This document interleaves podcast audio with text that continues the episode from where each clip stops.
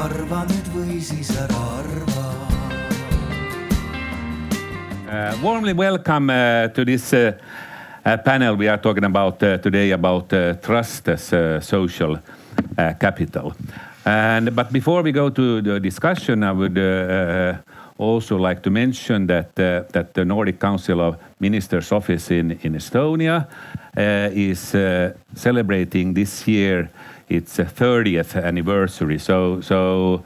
Actually, we opened uh, the- office in, in Estonia uh, the same year when, when Estonia regained its uh, uh, independence. And, uh, and we have been in close cooperation ever since. And, and uh, the way we have cooperated has, of course, changed during the years. But I would say that the results have always been really, really good.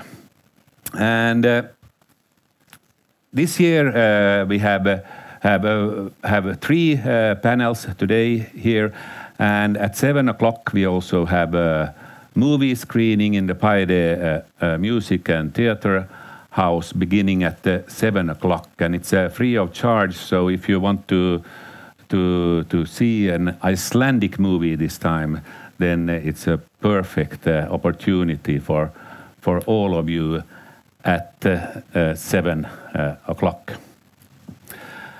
But uh, right now, I would like to welcome all of you on site and online, since we are also streaming this. So, so we have uh, have a, a lot of listeners uh, online as uh, well, and we have today really uh, knowledgeable and wonderful panel here. And uh, I start to uh, introduce uh, to uh, my uh, right uh, President Tarja Halonen. She has served as the 11th uh, president of Finland and was the first woman to hold that position from year 2000 to 2012 and she was a member of the parliament from already from 1979 until her election to uh, presidency. She also served uh, as a minister uh, many times for many many years uh, as uh, for example ministry minister of social affairs and health minister of justice and minister for foreign affairs and since I'm working for the Nordic Council of Ministers. Uh, I'm also glad to say that uh, she also worked uh, for a couple of years as Minister for Nordic Cooperation. And uh, I could also add that uh, uh, she was a very, very uh, popular president, and, and uh, her, her approval ratings, uh, when they peaked in December 2003, uh, it was 88% that thought that President Halonen was super. And uh, so it was no uh, surprise that she was uh, re-elected in 2006. But uh, she is also widely known for her interest in human rights issues, and uh, she has served as the chairperson of the Finnish LG, LGBT rights organization uh, SETA in the 1980s, and and actively participated in the discussion uh, of issues such as uh, uh, women's uh, rights and and problems of globalization during her presidency. So I could say I could continue for, for long, but to put it briefly, I, I would say that uh, she has changed Finland a lot, and she has also changed the world. And currently, uh, she is also in the headlines in Estonia because of a book. Uh, uh, it's not translated to, to English, but uh, but I would translate it to a tale about an activist. And but this book is now uh, published in, in Estonian with the name Ühe aktivisti lugu. It is written by Katri Merikallio and translated by Andres uh, uh, Lepp. And there is also a possibility here to, to buy the book then if you, if you are interested. So, President Halonen, it's a pleasure to uh, have you here. And we have agreed that usually when we have these Nordic discussions, we only use uh, first names. So, Tarja, warmly welcome. Thank you. Uh, then we have uh, uh, Kristina Kallas. The head of uh, Estonia 200 political party, uh, former director of Narva College, and always been a really, really good cooperation uh, party with, with us, and always were really interested in the cooperation with, with the Nordic countries. And I might add uh, uh, a little bit of an activist as well, I would say. So warmly welcome, Kristina. And uh, then we have uh, over on the left side, uh, uh, Kai Klandorf, uh, the executive director of the new network of Estonian uh, non-for-profit organizations. Uh, and like uh, Kristina, a really good partner with us and an active partner and boosting the cooperation between our countries. So warmly welcome. And then last but not least, Ulf Andreasson. So we have we have a majority female uh, panel, uh, and I'm very glad about that. But uh, warmly welcome Ulf, uh, senior advisor from the Nordic Council of Ministers Secretariat in Copenhagen. And the reason for Ulf being here is that he has uh, also written a book uh, named Trust the Nordic Gold. And, and that gives a great overview of what we mean with, with, with, with trust. So it's uh, really good to have you here. And I might mention that uh, Ulf has been working at uh, uh, uh, for our organization now for eight years, and this is his last day, and he chose to come to Estonia and, and Paide, and thank you for that, Ulf. Uh, I thought that I would split our discussion roughly in three blocks. Uh, the first, we could discuss uh, about trust in general, why it is such an uh, important concept. And after that, I think that we could talk about uh, um, uh, social trust, um, moral in the society, perhaps, perhaps, and how trust can be gained and lost, and and hopefully also regained. And finally, we could briefly talk about what each of us could do in order to boost uh, trust in, in our uh, society, working place, and why not even in, in private life. And every now and then, uh, I will uh, give you, uh, our wonderful audience, opportunity to put forward uh, questions. And don't be shy, because uh, your question might be the starting point for a new revolution that makes our world a better place to live in. So go ahead, make our day. Uh, because a lot needs still to be done, and sustainability challenges are enormous. So, so please put forward your your uh, questions, and I might uh, ask you also uh, some questions, uh, and then you can answer yes by by raising your hand, and and uh, well, if you do not raise your hand, then it uh, means that uh, it's like a no. So, do you have any questions now, or shall we give the floor to Ulf? Because I thought that Eh, Ulf could start uh, because of of, uh, of this book. I told that he has been written, so I told that. Ulf could start with an introduction and painting the whole uh, background about what we mean with, with trust so that, that all of us are, are on the same level. Ulf, please. Thank you. Um, it's very nice of you, Christer, to call it a book. It's like 25, 30 pages or something. Uh, but but uh, anyway, um, actually, I've been writing reports for, I would say, 20, 25 years on different topics. But this is the one that has caught by far the most attention. Um, and uh, I think the topic is very urgent. Uh, I guess that is the main reason. And it's a catchy title, I think, as well. I, I'm quite proud of that one.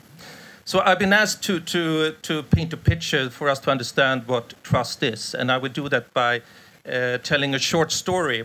And it goes back to 2013 when I moved together with my family to Copenhagen.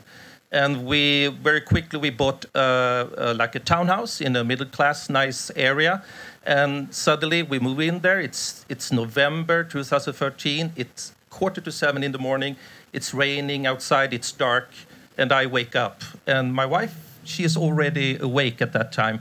And when I when I wake up, I hear she's talking to somebody downstairs, and a door is closed. Uh, and my wife comes up to me and I ask, "What what's that all about?" And she tells me there was a man outside that had seen there was a light in our window and he knocked on our door. And he told my wife that his wife had taken a fallen and hurt her leg badly. So he needed to borrow 100 Danish crowns to get to, to the hospital. There's a taxi station not very far away from where we live. Makes perfect sense. And we'd come back later in the afternoon and return that money. Uh, so, so that is a short story. So you, you can think a little bit if you borrowed her, him, the money. Uh, what would you have done in that situation? Um, when we talk about trust, you have to realize there is different forms of trust, and uh, you trust things differently. For example, when you talk about people, maybe you trust that person more than the other person. Also, groups of individuals, maybe you trust your colleagues more than your neighbors, or vice versa. But then you also have organizations and institutions. For example, how much do you trust the government? How much do you trust media in your country? How much do you trust the police? How much do you trust your local authorities? These things will vary. Uh, what is important here to understand is that these forms of trust that I've been talking about, it's trust that uh, has something to do that you know something about this person or you know something about these institutions. You have, have met them, you have interacted with them, you read about them, you heard something about them. And the researchers, they call these, these uh, particular trust. And that means that you already know something about these persons or these institutions. Um, what my uh, wife faced that morning, that was something else. That was how much do you trust the person that you haven't met before? Uh, that is called general trust, or sometimes social trust is he or she the person that you have no previous knowledge about? Is he or she a good person? Is he or she a trustworthy person? Uh, that says something about how you view the morale in the society that you live in. So, how did you think my wife reacted that morning? How, did she give him the 13 euros? Yeah. Yes, she did. Uh, and would you have done it? Not, you don't have to raise your hand, but just think about it if you would have done it. Um, the funniest thing about this story is that he, he never returned the money. it, it was a scam. I usually tell this story because it's important to understand this social trust. The concept of social trust is how you view the morale in the society that you live in. It doesn't necessarily have to be that way, it's the perception. But it's good in a society to have people like my wife for many reasons. But trust is one thing because it has been proven by researchers over and over that this uh, having a high level of general trust or social trust in society benefits, first of all, the economy. Uh, and it benefits in the way that you, in a, in a society with high levels of trust or social trust, you don't need as many police officers, as many lawyers, as many security guards, and so on. Not that they are sort of uh, doing something bad. It's, it's that these resources could be used to other things instead that, that is sort of more productive. And it's not marginal. Researchers have pointed that if you manage to increase social trust in society with 10%, uh, GDP will improve probably around 0.3 to 0.5 percentage points. So it's, it's, it's not something small, it's, it's something that actually matters. But it's not only good for, for the economy, also good for, for society. Societies with high levels of trust tend, tend to function better. There, there's generally lower levels of crime in those societies. People are more inclined to pay their taxes, and it usually strengthens democracy and democratic institutions. But furthermore, it's also good for individuals. People tend to be happier in these kind of societies. And they also feel that they have control of their lives. So I would say that almost all of us would prefer to live in a society with high levels of social trust. And the Nordic countries are in top when you measure these things globally. And considering all these positive effects that you get from social trust, that's why what's called the Nordic Gold. It means so much to the Nordic societies just a small parenthesis that Estonia is actually also quite high on, on, on social trust levels. Um, so I would stop there. I would just say there are two mechanisms that, that sort of uh, that sort of provides high levels of social trust. That is how the state functions and civil society. But I will get back to that. Uh, thank you, uh, Ulf. Uh, uh, Tarja, would you like to continue? Okay. Um, funny. I, I uh, when I was listening to your story, so I thought at 13, it's not too much. I could give it. Because uh, just recently we have had in uh, newspapers, we have had uh, some uh, similar stories because uh, the Finns also turn to give money. If somebody asks and tell that I have no money to, for the ticket to go by bus back to back home and so on. But then we have had now these stories that also people use this nowadays. And um, and sorry to say, but sometimes the people who have not been too long time the members of the of society. And so I thought to to start from the different point of view. I think that when we have tried to find that how to create uh, security or confidence and and, and trust uh, between the people, so we always come back to the childhood.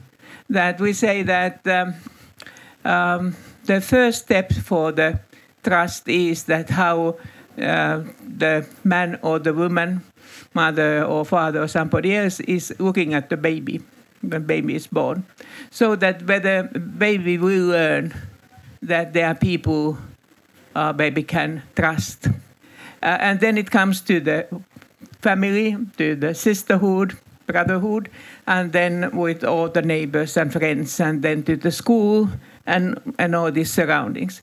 But this is not the one way story. That even you have lost your trust with your um, with your dear ones or your close ones, so you can learn it again. But it's much more difficult than to learn. And then when we come to the difficulties in the society, so of course the especially difficult challenge is the persons who have never found somebody to trust or not too often. And now I said beforehand that uh, I will a little bit uh, to tell my experience from the uh, Monti's, Monti's commission called uh, Pandemic Commission, the World Health Organization. And my duty in this commission, being a represent- representative independent representative of, of Finland there uh, was to look after and explain that what why we have these differences in different societies, why certain countries seem to to how could I say uh, to live through these uh, challenges uh, better than in, in some other countries. And as you can guess, the Nordic countries are at the top of the list. And um, so I think that if I put it very short conclusion, we will keep the reports in in uh, late August, I think early early September. So uh, was that um, all kind of the disasters, of course, they will strengthen those difficulties. It's it's like an they put in focus those and uh, all the weaknesses of the society become stronger normally during the, the disaster. Um, and so we learn them. We, we learn to know that what are the weaknesses of our societies. Very seldom they, they happen to born just when the disaster starts or the pandemic starts. But uh, then uh, we are very, how could I say that, sure that yes, we will repair this. But when the pandemic is over, when the, any kind of the disaster is over, there are so many other important issues, and people are so fed up to the whole pandemic and all, all different kind of the disaster that they hardly want to listen, hear anything about these difficulties. And then the real problem is that how to keep these things in the agenda, even after this disaster. And uh, yeah, this is shortly what I have learned and what I have tried to tell to Mario Monti and the others. Uh, and then I say that yes, the truth is that we Europeans, also some other countries, we have been very much criticized that when we speak a democratic society, we always speak fair and frank elections. Yes, they are very, very important. But it's just one signal, one symptom of the society.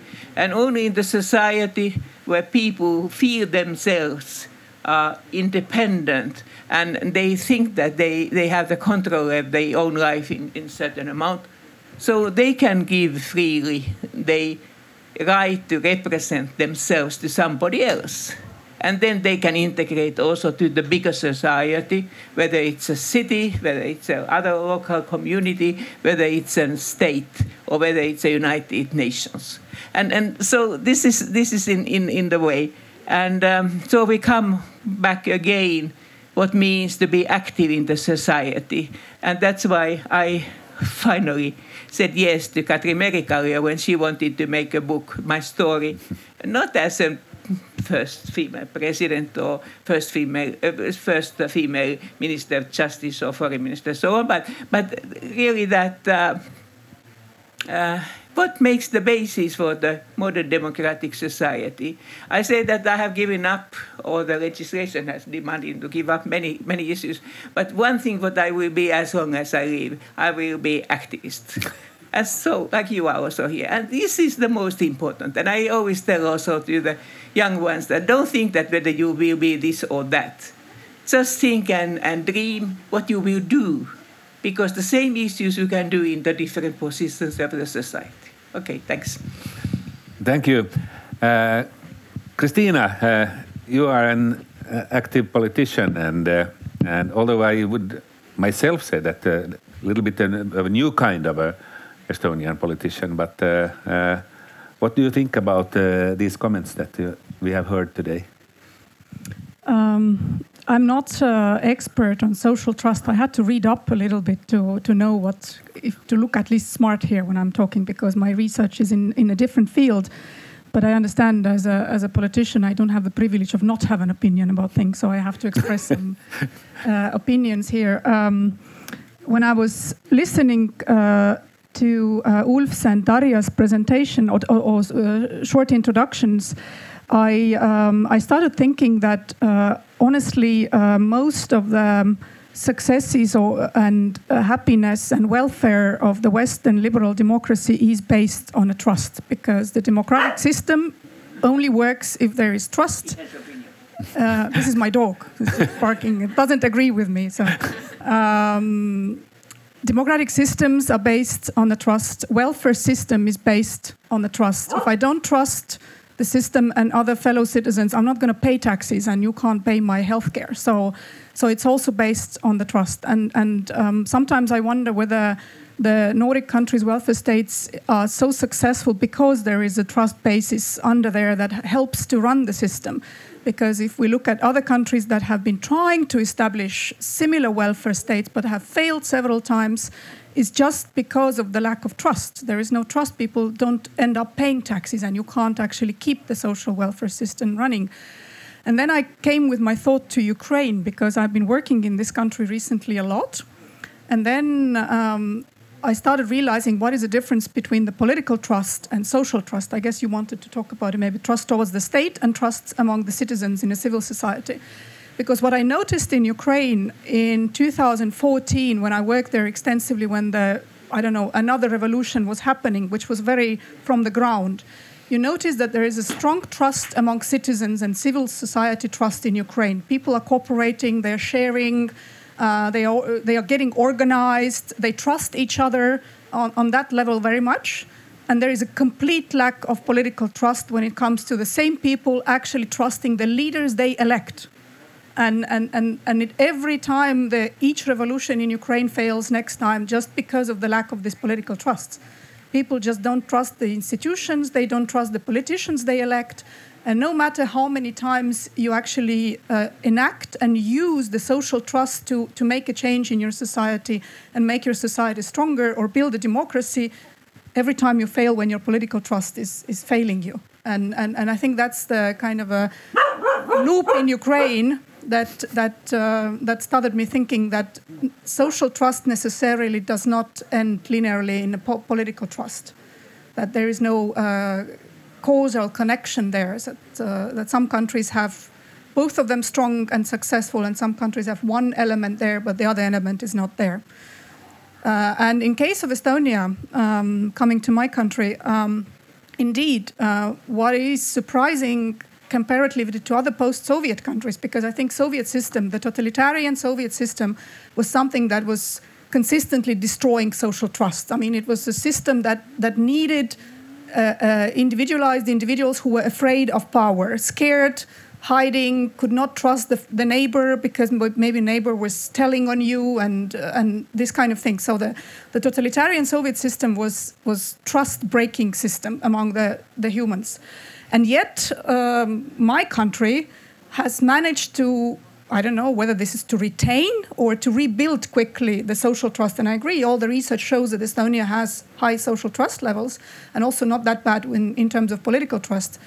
So that led me the question, maybe Ulf knows, uh, what are the causes of, um, of the differences in societies uh, that, that either gain or regain social trust or completely lose it and, and are not successful in, in, in uh, regaining it or building it? Uh, yeah, I would like to uh, uh, to ask Kai if you if you would like to to add anything, and perhaps also also give your view of, of, of what the cornerstones for trust are, in your opinion. Thank you for the for the question, and uh, thank you for the for the opening remarks, everyone. Uh, it has been already very interesting to listen to. You. I completely agree with basically all what you've said so far. Trust is a social capital, and trust is very important when it comes down to how society works. And it boils down to our everyday activities. It boils down to not only how we operate as institutions or organizations, but it boils down to how people interact with each other, uh, as, as the story started with.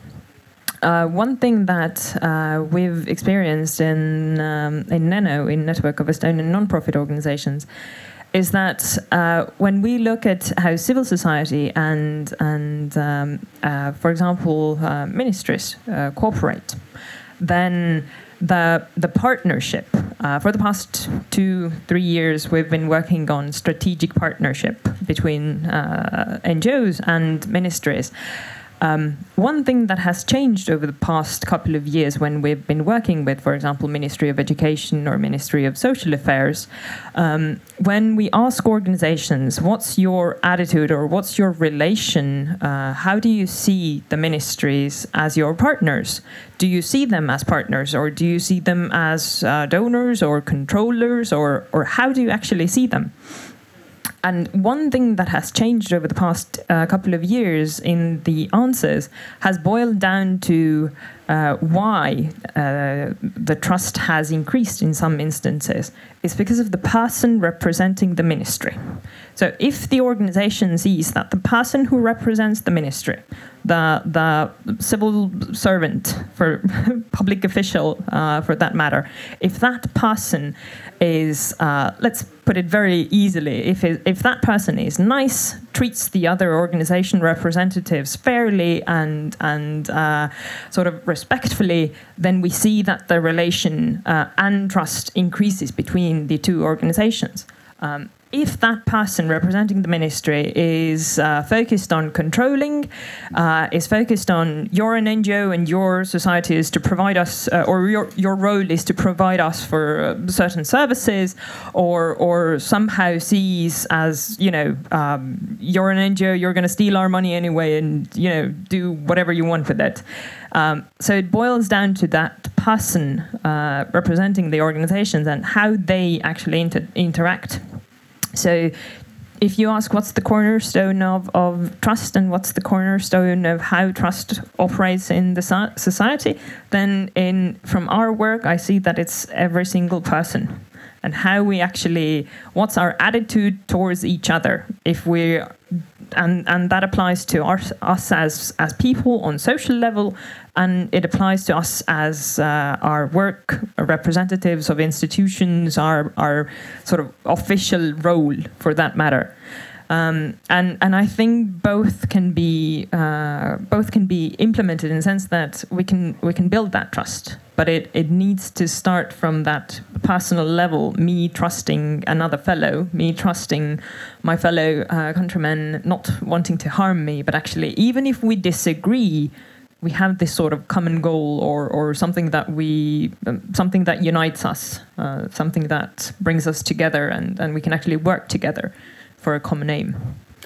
Uh, Kristina brought up uh, uh, brought up uh, happiness and and how you can gain uh, regain uh, trust. But before we go to that, I think I would like to follow up with what Kai said that. That then who's really responsible for us having a decent level of of trust like who is the in our societies who should be the who are the ceo for for trust business You, I think you guess it. Every one of us. Yeah. Every one of us. Uh, You cannot delegate the trust creation to somebody else. Uh, but uh, then, of course, um, um, how could I explain what I, my opinion? Um, so, so I, I have worked now my, my second period already term for the Secretary General of UN, uh, Antonio Guterres, as in uh, they have an advisory mediation board. And, and then we have noticed that all these conflicts, what we have in the world, they are more and more difficult to, to, to solve. And, and then, of course, we have thought that what, what is to do? And then, of course, we have tried to build societies such kind that they are not so easily going to the conflict. And if they go, that we can help them to come out from them. And, and so um, I think so that uh, my experience is that it's very important that this rank and file level trust can be created. And then we have to be very open eyes and, and ears for that, that which kind of the group of the people are already receive this uh, trust.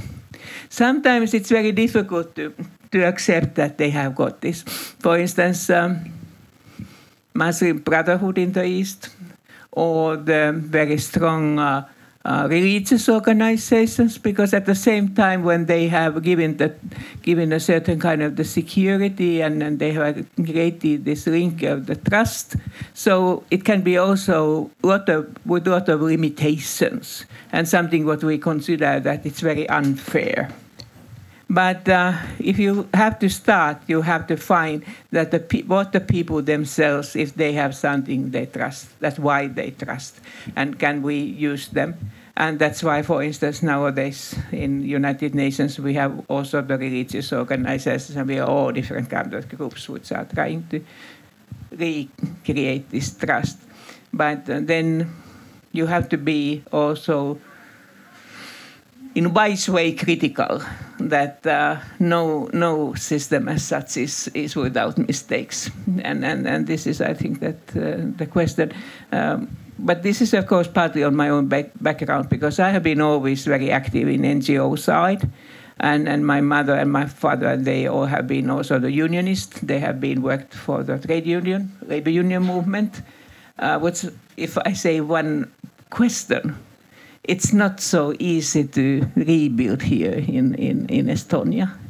And, and so um, all such kind of things which are very strongly tied to the everyday security. And, and so I think that political parties are important, yes, to see the cohesion of all these issues. But don't worry if they don't do it, if they don't do it immediately, that they start from one, one, one issue and uh, so I think that it can be the singing revolution, like you know, it can be also the sexual revolution, it can be the feminism, it can be the grass eating, or whatever you want. Thanks. Yeah, I cannot uh, uh, but agree. But but still, uh, I mean, we need uh, role models, of course. And and and uh, then I look at uh, at Kristina as a politician. You can be the Roman. I I will. I hope that I am. but Kristina, you as a politician, uh, I mean, I mean, you you you really bear a, a big responsibility after all. I mean, even though we all know our our uh, uh, responsibility. But still, I mean, role models are needed. Uh, I'm not even in parliament yet, but I feel the responsibility, yes.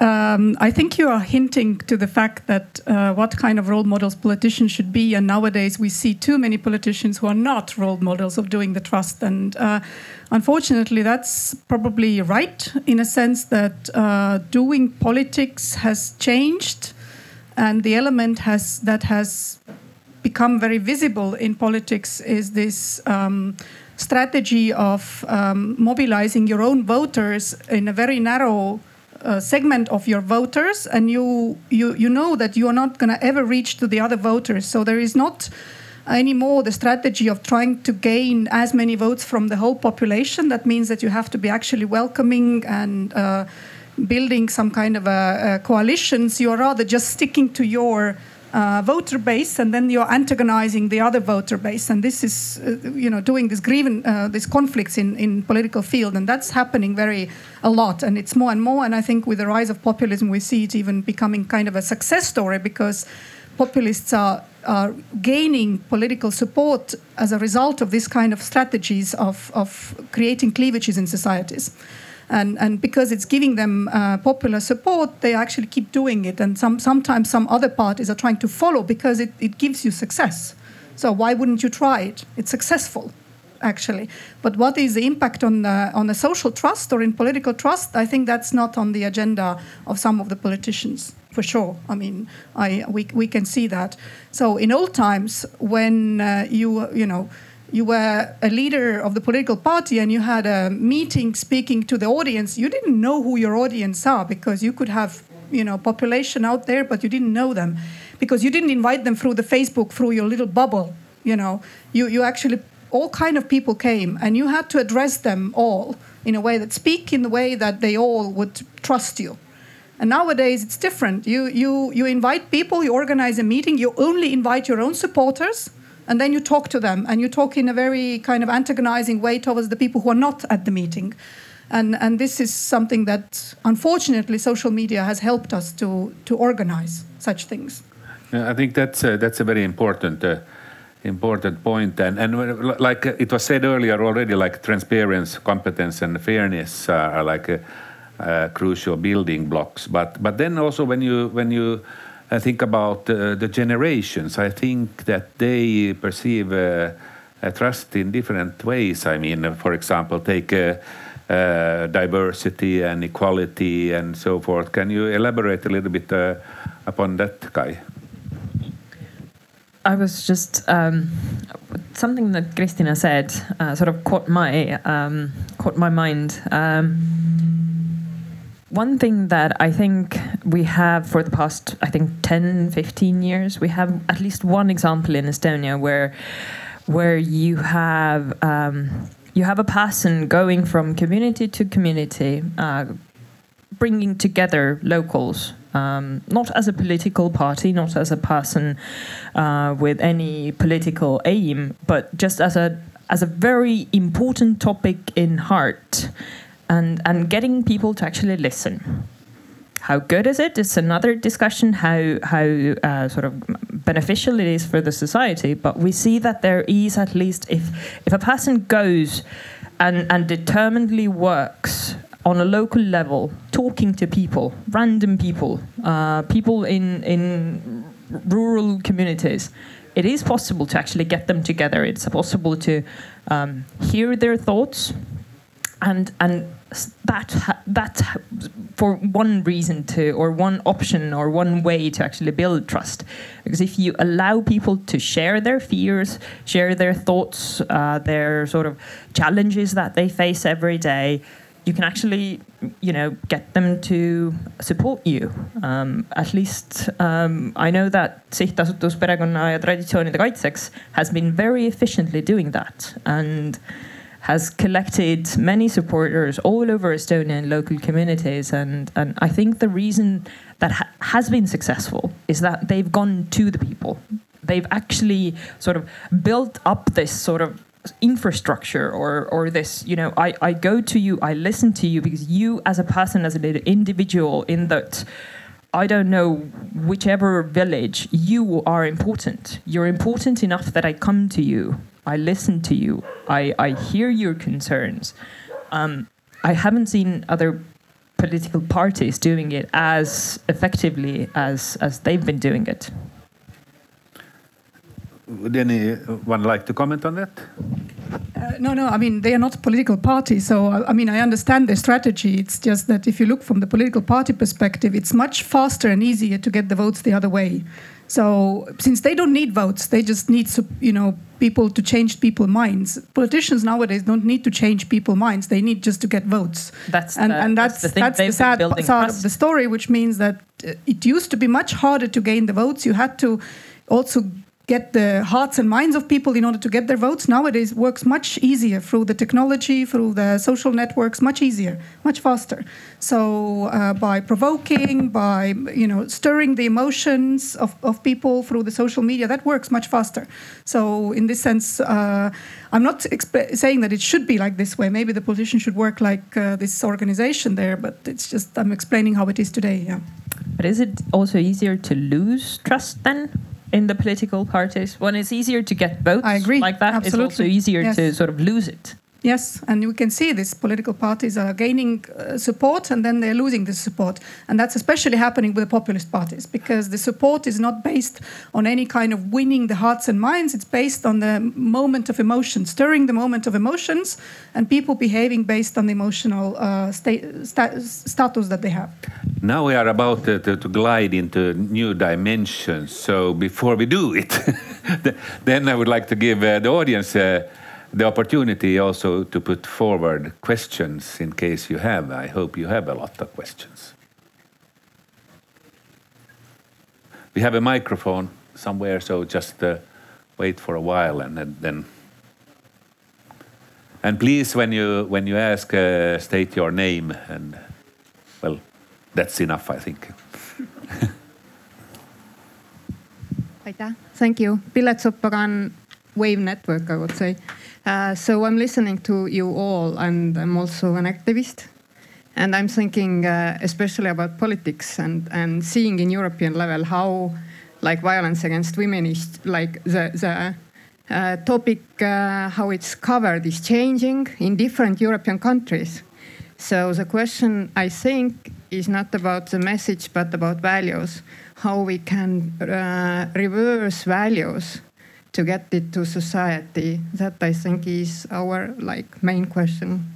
Can, and and uh, I, I understand that in Estonia we are in really good place currently at this point.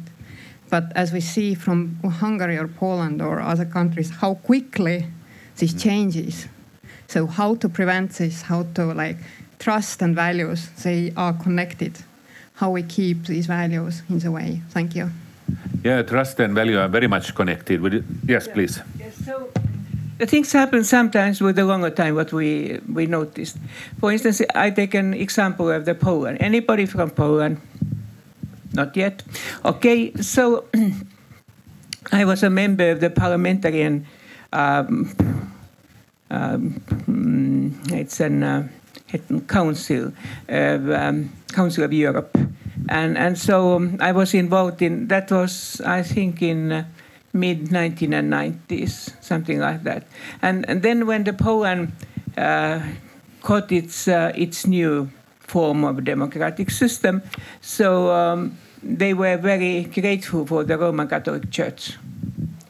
And and then um, this uh, support what the Roman Catholic Church has given to the people during the socialist or the communist period. So um, that was a good reason to be thankful for the for the church. But um, then who paid who paid the, the bill? The women. It was the first time when abortion was uh, forbidden, and and um, I was one of those activists who tried to stop it, and we didn't make a success and it has continued in the in the same way. As much as I, I, I respect Walesa and many others, so so um, uh, the victory for the people or the freedom of the people was paid by the freedom of the women. And and so today people think that it has happened just now.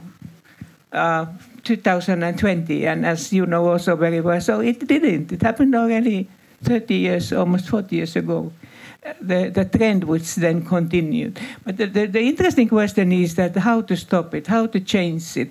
And uh, if I take an example of my, own country, Finland, Finland is in many, many ways to consider to be a very good place also for the women and so on. But we still have a family violence. Uh, and we think that it's because of our past, which is pretty violent.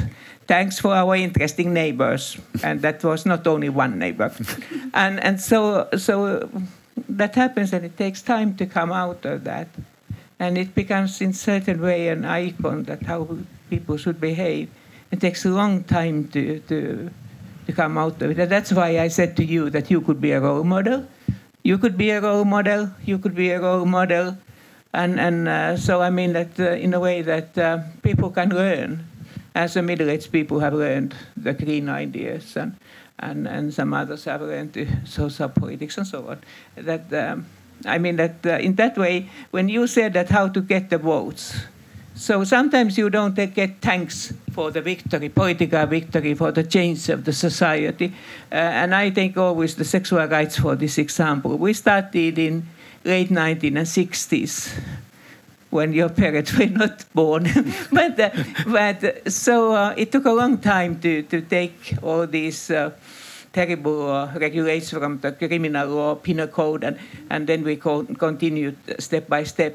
And then even in in 2000 and, and some years more, so um, politicians didn't believe that we can create so-called equal marriage, which means that two same sex belonging people could could marry, not not only to say that they have a uh, relationship or union, but to marry legally, and and then all that happened with uh, so-called uh, citizens uh, um, citizens uh, uh, start, so that a certain amount of the people signed the, the idea that we can change it, and then even even uh, the government or some parties of the government, some of the opposition were against, so the parliament finally accepted it.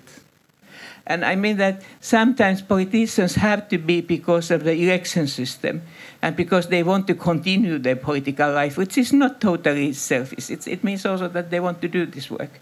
Uh, so so uh, this kind of the election system, it stops they way to be progressive enough or, or to make a social changes.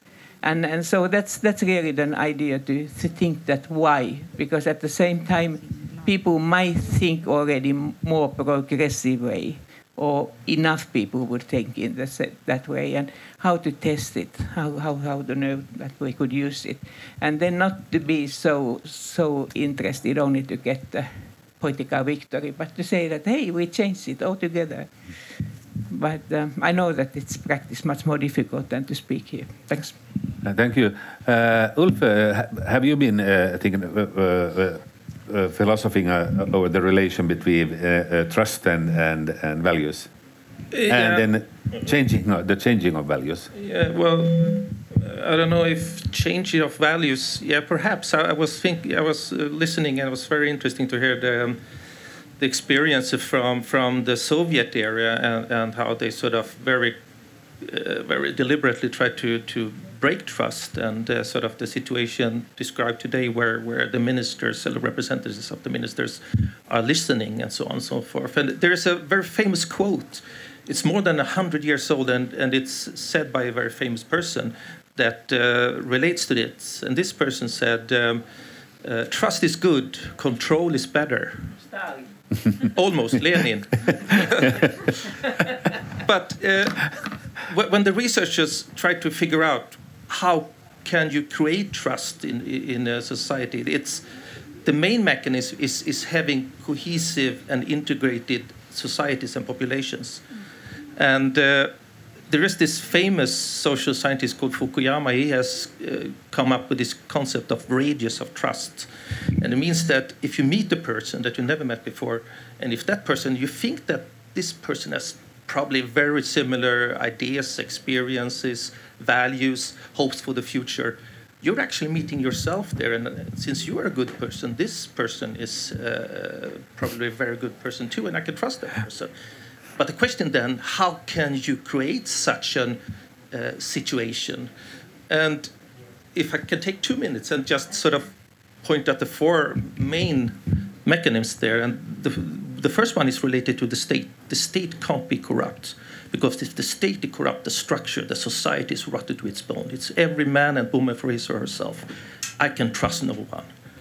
Um, and it's just not corruption. It should be. It can't be even be suspected of, of being corrupt. So you have to deal with such things as taxes. Uh, for example, that you handle taxes wisely and you make sure that people pay the taxes they are supposed to pay and punish the bad guys. So that is the first mechanism. The second is, mechanism also relates to kind of the statement, more politics, it, and it's actually policy.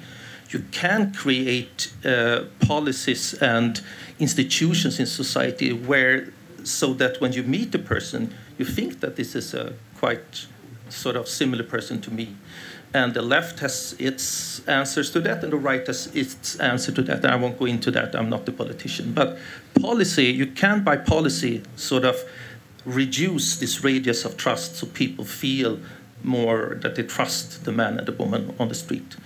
The third mechanism is what uh, my panel uh, colleagues here are coming from mainly. Sort of that's the civil society civil society is where we form hands together and we're not fighting it for ourselves we're fighting it for, for the good of society and for all in our society this, this is sort of where we create the us that, is needed in, in, in to, to gain trust to build up trust the fourth and final mechanism that is um, that is the, the sort of the, the connection between civil society and, and, the, and the state that the state and the politician need to be open to civil society, to listen to them, and maybe give them responsibility and so on and so forth.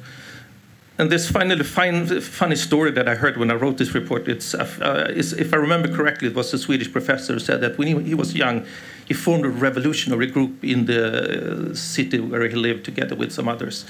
And the first thing they did, that was that they went to the local authorities to ask for money. And the local authorities asked, What do you want to do with them? Yeah, we want to uh, destroy society and rebuild the new society.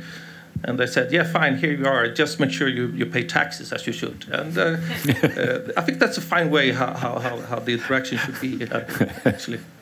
Thank you. Do, uh, uh, let's take another question, if, if there is any.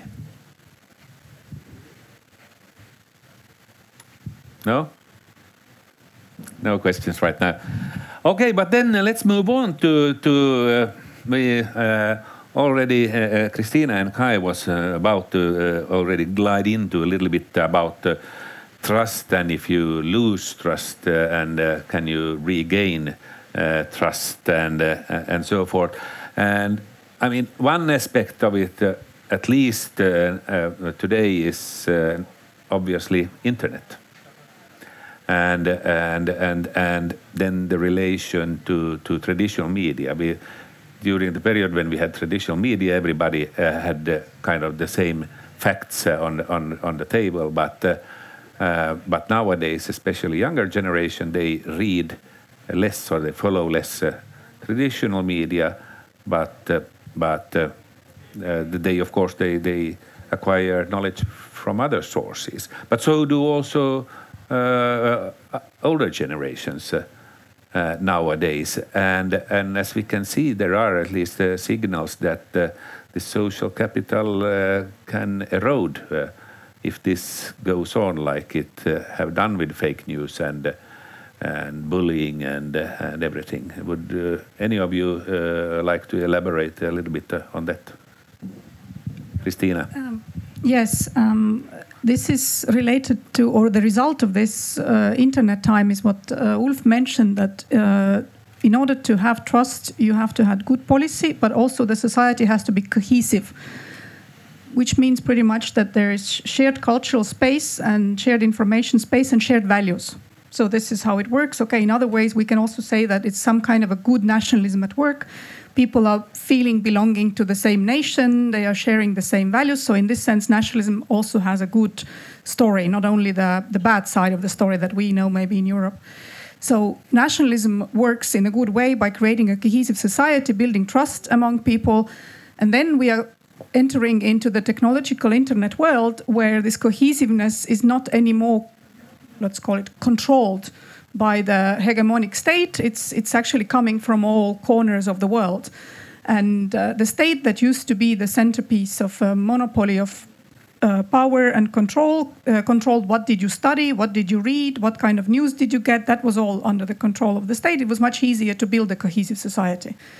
Nowadays, it's, it's not the case anymore and uh, and so it's much more complicated because people are getting information from outside of your state and outside of the sources. And i'm not implying here that there is some kind of enemy who is interested in in making uh, your people getting fake news. Not not only that there is also random information uh, wandering in internet space that people are, are getting um, to their to their internet to their uh, facebooks for example. But uh, if you think about um, nowadays war wars or what we call a hybrid wars that are also mostly going on through the internet and through the information space.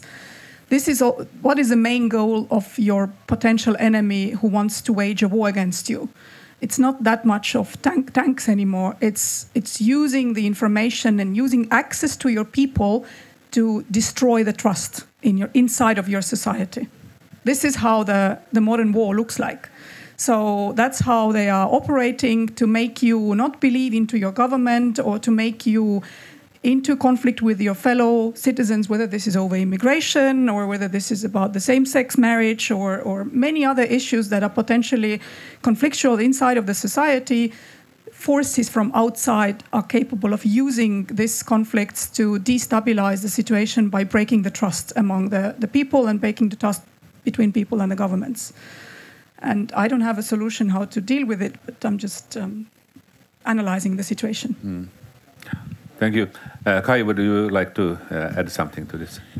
Um, again, I completely agree, but I think it's also that these kinds of measures of, of nowadays war are it's harder to these kinds of tools to actually work if we have a cohesive society if we have already managed to build a society, society where people trust each other uh, where institutional trust is high then then it's harder to actually get these um, outsiders to have any kind of impact um, how to get that trust to uh, build up. We've been doing that. If we look at Estonia uh, statistically for the past 20 years, trust in institutions has increased. Um, for example, police, uh, and and as we started with individual level as well, uh, in Estonia, people do tend to trust police uh, quite highly. Uh, that means that we don't think policemen are corrupt. We don't think they're somehow um, out to get us or, or, or whatever. But at the same time, um, more than half of, of uh, petty crimes or, or uh, misdemeanors do not even get reported. So we do trust police, yes, but at the same time, we don't think that it's worthy or, or we don't even bother to report when we are a victim of a crime. The same, I think, applies to uh, women against uh, violence and. Uh, and, and violence against women, these cases, rape cases, they very often do not get reported because they don't trust that they will be dealt in a sort of correct way, if to say that. Um, so we see again that all of these items are intertwined. So if we want to build trust in the society, we do need to build it uh, bottom up and both from uh, top down as well, because uh, it, it, it's sort of it's it's so intertwined in every level and every aspect in the society. So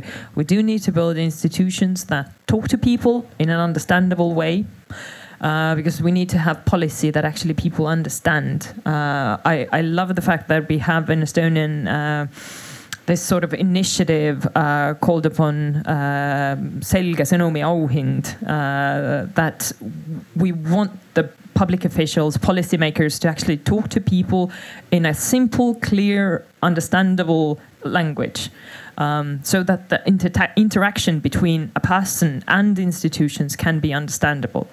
Um, for civil society, uh, before we actually uh, started this, panel discussion, we already got to talking with Ulf that uh, one thing that we've been doing for the past 20 years uh, or even longer. Um, I started, uh, I became a debater and, and a member of Estonian Debating Society, I think uh, 17 years ago now. Um, I remember this sort of uh, movement, grassroots, uh, very sort of um, energetic organization where we had massive amount of volunteers. Everyone, if you wanted to do something, you had to contribute. You had to sort of get your hands dirty, uh, so to speak. Nowadays, uh, Estonian Debating Society is a very professional, very good organization and it, and it kind of feels that it's providing a service to these youth uh, participating in these events anymore uh, nowadays. So we see that they are becoming more professionalized, they're becoming more efficient, but that means that the participation and the, the sort of personal approach or personal sort of um, ability to actually change or ability to have a say in organizational democracy or organizational decision making process is is is narrowing. So we don't see this sort of civil society as a movement anymore. We see more and more professional organizations providing services. But we do need to go back to that previous way of, of, of actually pulling our, our people together and, and giving them a chance to be united and giving them a chance to actually implement change and, and you know be part of something. Uh, thank you. I cannot but, but uh, agree. Uh, Ulf, you wanted to, to, to add something. Yeah. I've been give, I've been talking about social trust and these issues maybe 25, 30 times in six, seven, eight countries.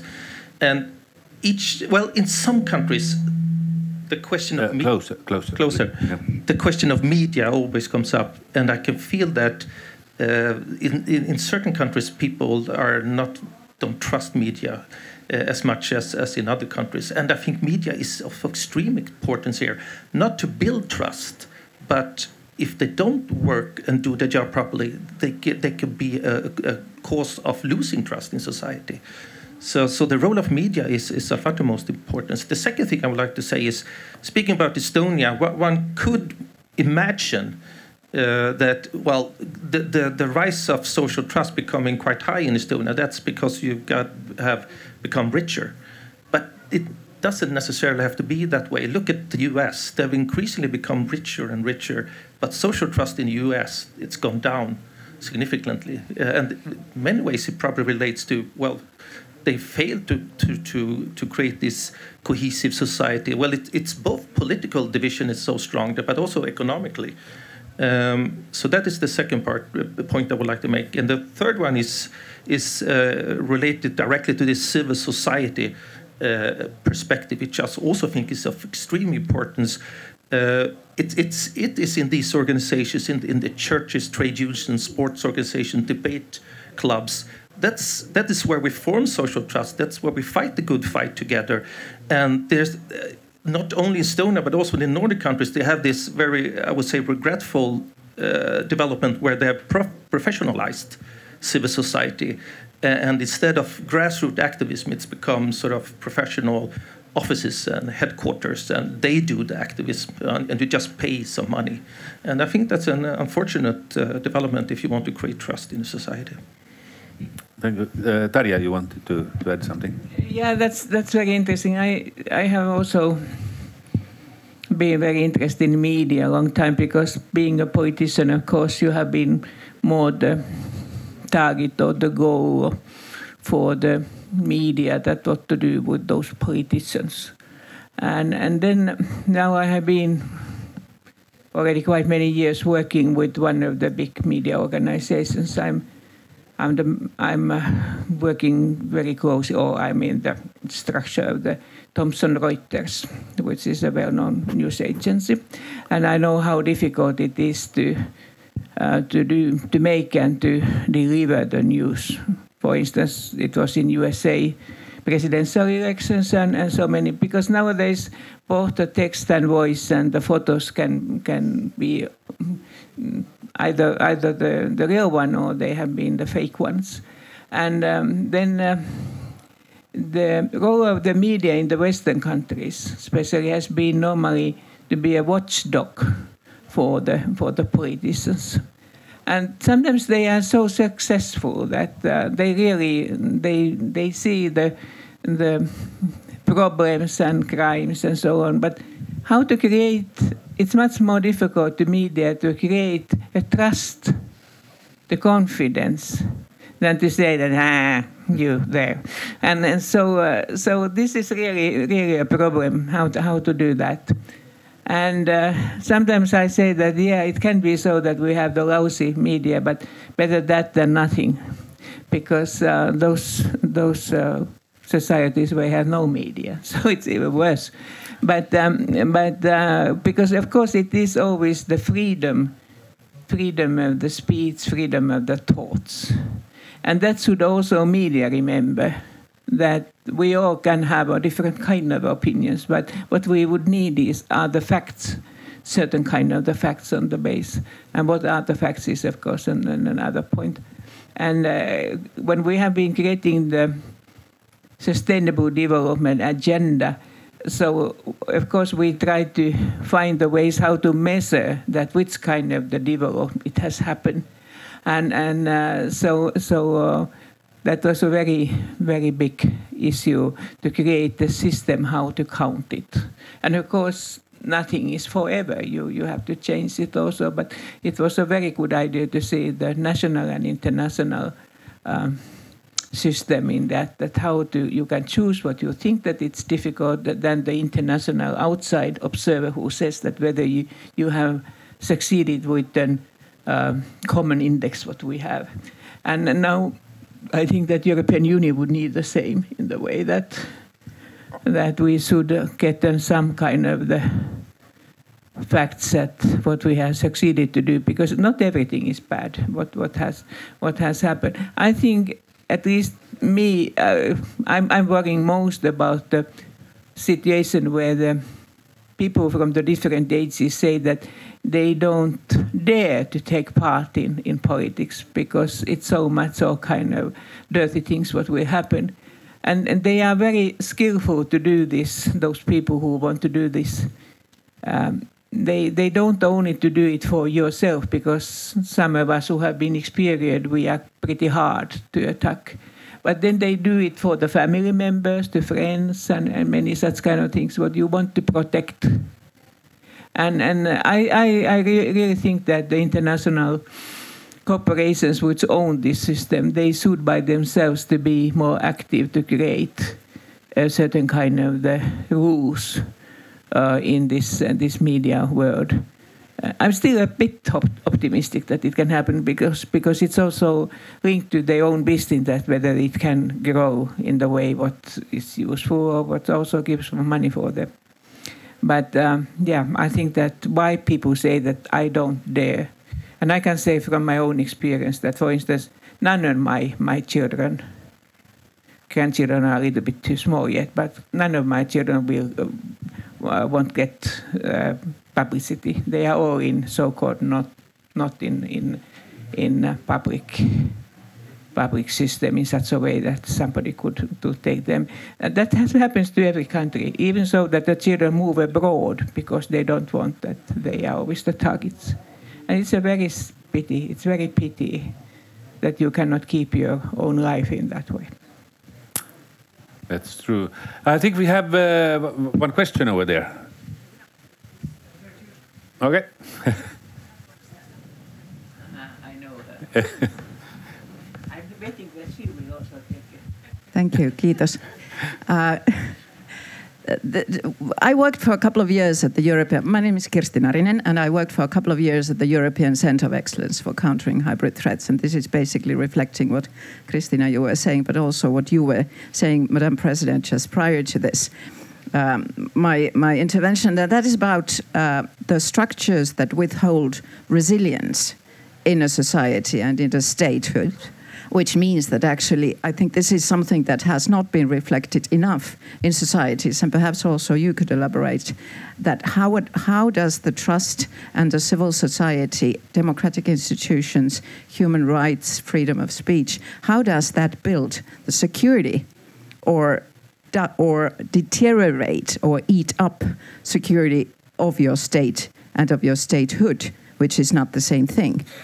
And uh, what, uh, Madam President, you said that also the research recently made by the uh, Riga Stratcom Center of Excellence that it's particularly female politicians that are hit by hate speech and which is scaring them off. And this is in very, very grave contradiction with what you said earlier, what you all have said earlier, that bringing multifaceted base for political debate, and in particular to bring women into the political debate and uh, decision making positions, is actually promoting both resilience and security and the multifaceted basis of democracy in any, in any society. So resilience as a security and trust as a basis of that. Thank you. Thank you, Kirsti. Uh, very good question. Uh, uh, Ulf, uh, you yeah. wanted.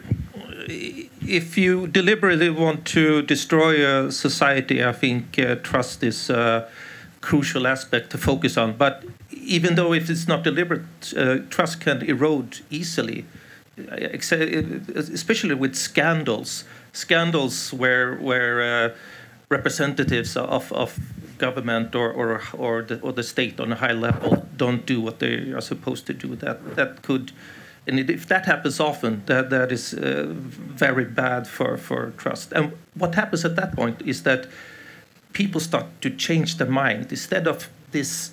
Um, joint notion that we share this society together, they become something called free riders uh, why, sh- why should I be the only fool paying taxes? Nobody else does that. And they get away with it. And even if I pay my taxes, uh, those guys over there, they put it in their own pocket, so they, they don't use it for, for good purposes. And why should I follow the, the, the laws of, of this country? And why shouldn't I bribe myself for a better, to be a better future for my kids and so on and so forth? I become these free riders and that's only sort of the short perspective. The long-term perspective is that we will lose what we have gained. We will lose the the economic benefits. We will lose sort of the the, the, the good perspectives that trust have uh, on society and individuals. But that is not the end of it. The end of it is that we will lose our societies because trust is, as somebody said earlier here, it's it's the kind of the, the grease in the in the in our societal machinery. And when that grease trust goes away, the machinery will break sooner or later, and we can't we can't repair that machinery. We have to rebuild a new one. Um, and what cushion do we have? And that there, I would like to fo- uh, to, to quote my, my favorite uh, researcher, and his name is Bo Rothstein. He works at the uh, Gothenburg University. He says something like this, and. Um, um, and he's po- pointing that at the state actually that the state uh, does what it's supposed to do and does it very correctly. And he says that uh, when the fish rottens it will rotten from the head and down. So the state is, is the cushion that we have uh, to, to, to be resilient. That, that, that, that's my point. But it, it, it's it, it's it, it's a, it's not a cushion that will sort of uh, help us against everything, but it's the best cushion that we have. Thank you, Tarja. Very very short. I think that we have a certain good um, good uh, ideas how to how to clean up the state or the society in a way. But we have spoken about the corruption, and so of course the corruption is a, is a very bad oil trying to make. A, uh, well managing system. Uh, and so to see that uh, why they use the money, and of course you have the rank and file corruption, and you, then you have those people who never gets enough, and and then all this is very combined in, in a way that if the civil servants don't get money enough to, to get the decent living, I don't mean the good living, but the decent living, so so you have to think that what they are doing that they do that because anyway they will buy their bread and milk and and and and, and so and, and that that's one point, but then se- second point on is that why they are not effective, and then try to help the the societies, the states, to create more effective system. And and uh, also concerning the social politics, we have the system how to do it, and and one of the good good uh, tips is always to make it transparent, to, to make it transparent that people can give say that how much money it is and how much you can you can use in different parts, and that that will be a very sound base. But then there are all this that how they also politicize also the private life of the people. And of course, all this Me, uh, Me Too campaign is, is good in, in a way, uh, not in, in, without limits, but in a way. But then it's also the question that in sometimes if you have a quite decent system like we have in Nordic countries, so so uh, even the smaller scandals are enough to, to, to take away this trust and confidence. And, and I, I think that I remember from the past if the example that the prime minister uh, that day is Paavo Lipponen, uh, he was accused that he spoke to the president of USA much more positively for the cooperation what he has done in uh, in Finland. So so my, my friends in EU they said, so what? So, so why do you think that? Of course, we all do that. No, not in Finland. When you meet somebody abroad, first you tell that what's all kind of things are bad, and after that you, you can allow that you can speak with him or her, and and so in that way, I mean that it's also the approach. Uh, how could I say the attitude how you want to criticize, and, and that's also good good to remember that you can criticize very badly if you if, if you want if you are fair if you have a, if you are you have a fair approach. But anyway, anyway, okay, I have spoken too much. Thank Thanks. Yeah, the, well, the fact is, of course, that you can you can lose trust very easily overnight, but uh, but to regain trust, uh, that uh, is a huge work. But we have uh, one more question, and then I think that it's uh, time to wrap up a little bit because uh, the time is flying. Thank you. My name is Imre Treufeld. Uh, and this is a question I think that we should all um, remember now the answer to. So, what are the simple, practical steps uh, that ordinary citizens can do to increase trust in the society? What can we take away from this panel here today? I, I'll start answering. Um, one thing that, first of all, civil society organizations should do, uh, and and that, that's extension to what we already hear. Transparency is the sort of key word. It's uh, stakeholder involvement. Uh, if you're an NGO talk to your members, uh, be transparent in your own activities, uh, and and be a trustworthy organization to your members and the people you represent. And the same to local municipalities. If you're a local municipalities involving your community does not mean that you put something on your website and and say I've included them. I've I've I've included stakeholders and I've asked or or shared information with my community. No, you haven't. Uh, putting something online is not involvement. Uh, and and making actually the sort of effort to go and reach your audience, reach your community, talk to your people, and and make yourself accessible. And by that, of course, making yourself more vulnerable but also uh, being more approachable and, and building that sort of relationship. Um, I think that's the basis for, for building trust. Um, I, I, wanted to say, don't steal, don't lie. What is this ten commandments that are there? This this is what what is there for us not to, to build trust. But I wanted to actually comment on Kirsti's resilience question uh, because I think every society has its own weak points when it comes to the resilience. It's not universal that that what where Estonia's weaknesses lie are not the same when where, where Finnish weaknesses lie. And and here in Estonia, we're very much aware where our resilience weaknesses are. They are they are in some point ethnically defined, so ethnicity matters here, and that's one problem that is at my heart, close to my heart, because I think we are weak because we have a ethnic. Um, not the division lines, but grievances on the ethnic basis in Estonia. And that makes us weaker, and that also undermines our trust. Uh, when we see that Russian young people get less better jobs than the Estonians, it's not a discrimination. It's the fact that Eston- Estonians, who are usually the ones who give the jobs, don't trust them because they look like strangers. They, they don't share the jokes and they don't understand my jokes and, and they feel like immigrants who speak Estonian well, but, but not, not our people. So there's a lack of full trust there. And that's why there is this inequalities. And inequalities is something that is easy to to hit uh, when you want to make society actually hurt. And that's, that's where the Estonian resilience problem is.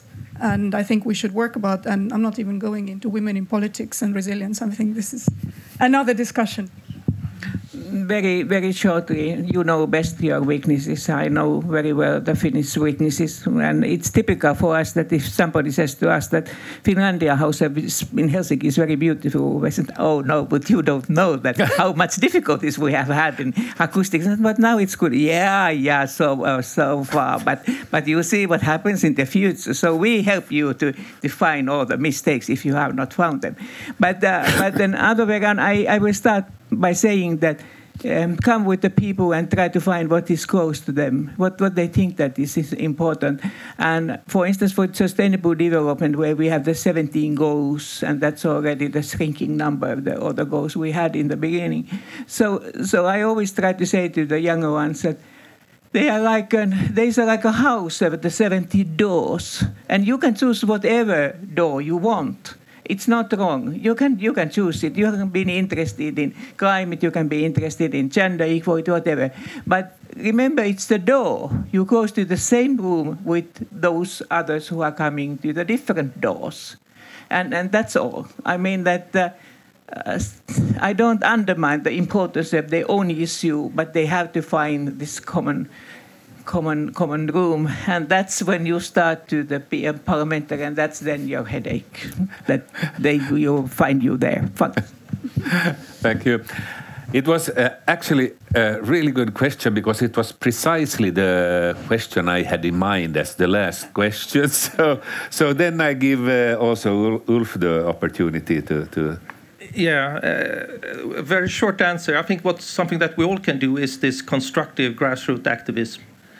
And speaking about that, I, I think uh, festivals like this are extremely important also as well. Uh, this is part of the doing the good job for society. We meet, we discuss, we exchange ideas, and so on and so forth. Uh, I think this is trust building uh, at its best. Thank you. This is something that I mean we, we could go on for, for hours and days and weeks. I, I think to discuss about this, but uh, but uh, now we are running out of time. But uh, I think that it has been really a wonderful uh, discussion. Thanks to our uh, knowledgeable uh, and great panelists. So let's give a big hand to them. And Big thanks uh, also to, to our audience here uh, on site and our audience uh, online. It's been a great afternoon together with all of you. Thank you.